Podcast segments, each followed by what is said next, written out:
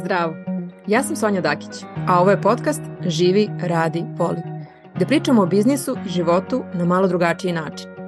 Ovde treniramo hrabrost i podržavamo radost uz praktične alate i sjajne životne priče. Ja verujem da dobre ideje mogu učiniti ovaj svet boljim i zbog toga im pomažem da porastu. Drago mi je da si tu. Zdravo. I dobrodošli u novu epizodu. Danas hoću s vama da pričam o tome šta kada je manje zapravo više. Šta to znači?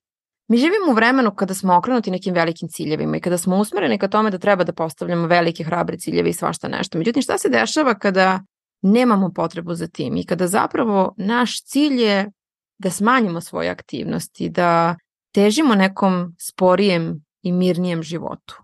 Kako to u praksi izgleda? Podelit ću sa vama lični primer i primer moje prijateljice za koje mislim da će vam dosta približiti ovu temu.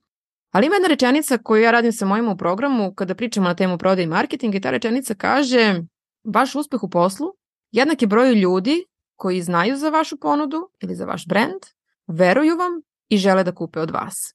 I onda mi kad god se vraćamo na to da neko nije zadovoljan svojim finansijskim rezultatima pre svega, jer to najlakše merimo, jel tako, zato se time i bavimo, mi se vraćamo na to koje kanale koristimo, na koji način, znači šta su sad te neke sve aktivnosti i šta možemo da vraćamo se na taj prodajni put za, za neku intervenciju.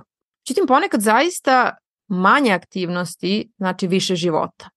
I primer koji ja često navodim dolazi iz 2014. godine kada sam ja prošla taj sad već čuveni Investment Ready program u Beču koji je mnogo me doprineo našem poslovnom razvoju, ali takođe je puno meni znači na ličnom razvoju da ja vidim i mislim da je to neko seme moje promene i toga gde sam danas posađeno zapravo tokom tog programa.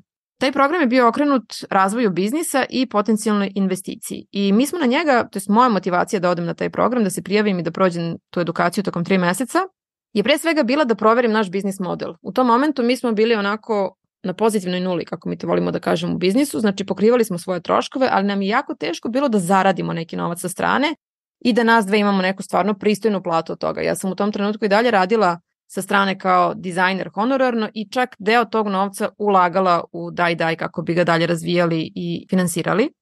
I ono što je meni iznenadilo, znači ja sam dobila puno iz tog programa što se tiče rada sa mentorima, veština, vežbanja, znači mislim da sam za svaki put kad smo odlazili u Beč na, na tih ono, mesec dana, ja sam imala pa ne znam pet pitch prezentacija, razgovora sa mentorima, edukacija, sve, znači baš je onako bilo intenzivno jedno iskustvo. Oni su se jako zainteresovali za nas, zato što smo mi u tom momentu već bili realizovan biznis, imali smo definisan proizvod, neki ude u tržištu, većina drugih učesnika je bila tek na početku u smislu da treba tek da, kako mi to kažemo, validira svoju ideju, to jest testira svoju ideju na tržištu. I oni su se zainteresovali za nas i mi smo u jednom momentu zaista došli do toga da možemo da dobijemo investiciju. I pošto to nije bio naš cilj, naša ideja, niti smo imali lokalnu podršku da negde ovde sad danas ja imam ljude s kojima bih to uradila, ali neko ko bi sa mnom prošao kroz taj proces i stvarno napravio neku kalkulaciju. Tada sam imala jednog prijatelja koji je radio sa mnom te onako kalkulacije, ali ni ja ni on, da kažem, nismo bili načisto šta to stvarno znači i kako da analiziramo kako će to se odrazi na posao.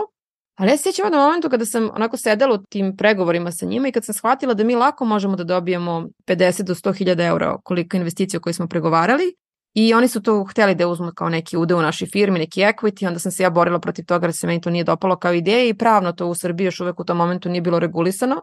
Ni dan danas nije, ali ima boljih, da kažem, modela. Ja sam negde postavila model da oni nama bukvalno daju pozajmicu, jer smo mi imali kredit od Erste banke koji smo isplatili. Za mene je to bio model za koji sam videla da možemo, ali tako, ako se napravi dobra računica. I oni su čak i na to pristali i nekako kako su oni, da kažem, kako smo išli iz sastanka u sastanak, ja sam shvatila da je to sve realnije.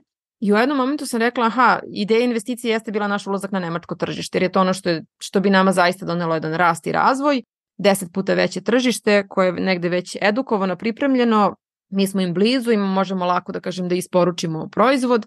Ja sam shvatila da, da to znači da ćemo mi sad imati veću proizvodnju, znači moramo da imamo, ne znam, od tri žene koje smo u tom trenutku imali, da moramo da ih imamo minimum 10 ili 15, da to znači možda da ćemo raditi u dve smene, da nam treba veći prostor, da, znači cela ta sad ne, operativa našeg biznisa ide na neki sledeći nivo. Ja sam bukvalno osetila u svom biću da ja za to nisam spremna. I da koliko god sa jedne strane mogla lako da dobijem taj novac, jer kažem, ja sam njemu ulivala poverenje, imali smo konkretan proizvod, mi smo u tom momentu već bili prisutni u Leto Shopu, Aksi, ne znam za DM, mislim da još uvek nismo, ali oni su dolazili u Beograd da nas posete, vodili smo ih u te radnje da vide kako to izgleda. Sećam se da je ovaj baš Štefan koji je bio onako zadužen za nas, pošto je dosta radio sa ruskim tržištem, kad smo ga uveli u Aksinu prodavnicu te 2014. On je rekao, bože, ovo izgleda kao ruske prodavnice pre 10 godina, kao u fazonu, jer ono čemu su oni, dan, gde su oni u tom trenutku bili, je bilo za nas daleka budućnost. Ali to je zaista išlo u nekom onako smeru da, da je sve pokazivalo da je to za nas vrlo moguće i ostvarivo, ali moj taj unutrašnji osjećaj je bio taj koji je zapravo stopirao ceo proces. Iako smo mi napravili kalkulacije i finansijske planove, oni su od tih naših financija i projekcija napravili tu projekciju da mi za 3 do 5 godina dolazimo do, ne znam, milionskog obrta.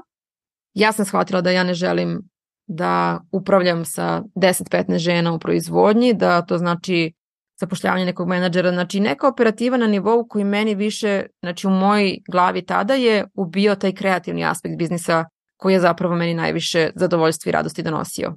I ja sam prosto povukla tu ručno i rekla, ok, mi nismo spremni sada, nemamo lokalnu podršku, jer meni je bukvalno trebalo neko da me sa finansijske strane vodi kroz taj proces, ali takođe sa te psihološke onako strane podrške da zaista, jer da bi vaš biznis porastao, vi morate da porastete. A za mene sam taj program bio toliko transformišući, toliko toga se desilo za kratko vreme da mi je prosto trebalo vreme da to zaista upijem ili kako to volimo kažemo integrišem. Tako da smo mi to zaustavili i za mene to bio jedan veliki uvid da jedan od mentora nam je baš rekao vrlo jednu korisnu stvar, a to je ja mislim da vi prvo treba da stabilizujete prodaju i prihode na vašem tržištu i tek onda iz te situacije mnogo da kažem stabilnije krenete u tako neki razvojni korak ulaska na neko veće evropsko tržište. I to je ono što smo mi uradili. To je ono što ja često pričam, mi smo se po povratku s tog programa aktivirali na polju marketinga, napravili za godinu dana dva i po puta veće prihode, uložili u redovne kampanje, vidljivost, sajmove, svašta nešto i zaista nastavili da rastemo na godišnjem nivou od 20%, što se smatra onako zdravim i normalnim rastom. I to je bilo to. To je bio neki okvir sa kojim sam ja bila okej. Okay. Drugi primer koji mi je interesantan da podelim sa vama jeste moja prijateljica koju sam isto upoznala kroz Daj Daj, tako neko u isto vreme smo krenuli i mi smo prve godine kad smo radili Daj Daj imali, Violeta imala svoj lokal i onda kad smo mi stavili samo pelene u njega, smo rekli, ok, ali zove pelene niko ne zna, niko neće doći zbog njih, hajde da ubacimo još neki kao dečje brendove i to je bilo onako concept store pre nego što su oni postojali kao ideja 2010. godine. Ja sam tada nju kontaktirala još neke domaće brendove da oni dođu kod nas, da napunimo tu radnju onako zaista i ono Krenuli smo tako da se družimo, da idemo zajedno na sajmove i zaista ovako godinama smo, da kažem, bili baš u bliskom kontaktu. Ona je sama radila proizvode za bebe. U jednom trenutku je uključila i svoju sestru da joj pomaže u nekom od procesa i lepo je to razvijala, sedela je kod kuće, radila šta želi u tom okviru koji želi i to je prosto tako došlo do neke granice koliko ona može komada mesečno da napravi. Posle jedno dve, tri godine počela da razmišlja o tome da uđe u neki maloprodajni objekte i jedna od većih, da kažem, naših distributera je se obratio, napravili su neki dogovor, oni su napravili jednu veću poručbenu, ona je tada shvatila da mora tu proizvodnju, da ne može ona to više sama, je tako, da mora da podigne na neki veći nivo. Napravila je preuredila je prostor porodične kuće, zaposlila tri žene, uzela mašine, znači to je sad taj kao sledeći korak. Napravila taj tiraž koji su oni tražili za prvo ulistavanje napravila posebnu policu, znači sve su to bila neka ulaganja za nju dosta velika za to brendiranje, pozicioniranje, svašta to nešto što je trebalo. I onda se desilo da je to prvog meseca krenulo lepo, a onda su oni nekako zaboravili da trebaju proizvode. Prodavali ih jesu, ali nisu poručivali nove, a ona se našla u situaciji da zaposlila žene kojima treba da isplati platu i da novac prosto ne pristiže u onom ritmu koji ona očekivala i to je za nju bio ogroman stres. I ona je iz te priče izašla onako da kažem dosta finansijski ne baš uspešno, ali vrlo jasno sagledavajući kakav ona biznis i koliki ona biznis hoće da ima. Rasturila je sve, proizvodnju, žene isplatila sve što treba i shvatila da taj pritisak ne želi da nosi, da neće da zavisi od jednog distributera i posle odustala je, da kažem, od ulaska u malo prodaju i vratila se na onaj model kako je prvo radila, koliko ona sama može i znala je da u tom modelu kada ona radi, sestra ju pomaže, ona može da obezbedi sebi platu koja je dobra, može sa svojom porodicom da ode na letovanje, zimovanje, izlete na to što je bilo bitno, imala je supruga i ima jedno dete i postavila je okvir svog života kakav ona želi. I ja sam baš pričala sa njom pre nekoliko godina kad se to dešavalo, koliko je za mene ta njena odluka bila hrabra i koliko je važna kada mi u vremenu gde stalno smo upućeni na to da treba više nečega da imamo, koliko je hrabro da stanemo i zapitamo se da li meni zaista treba više.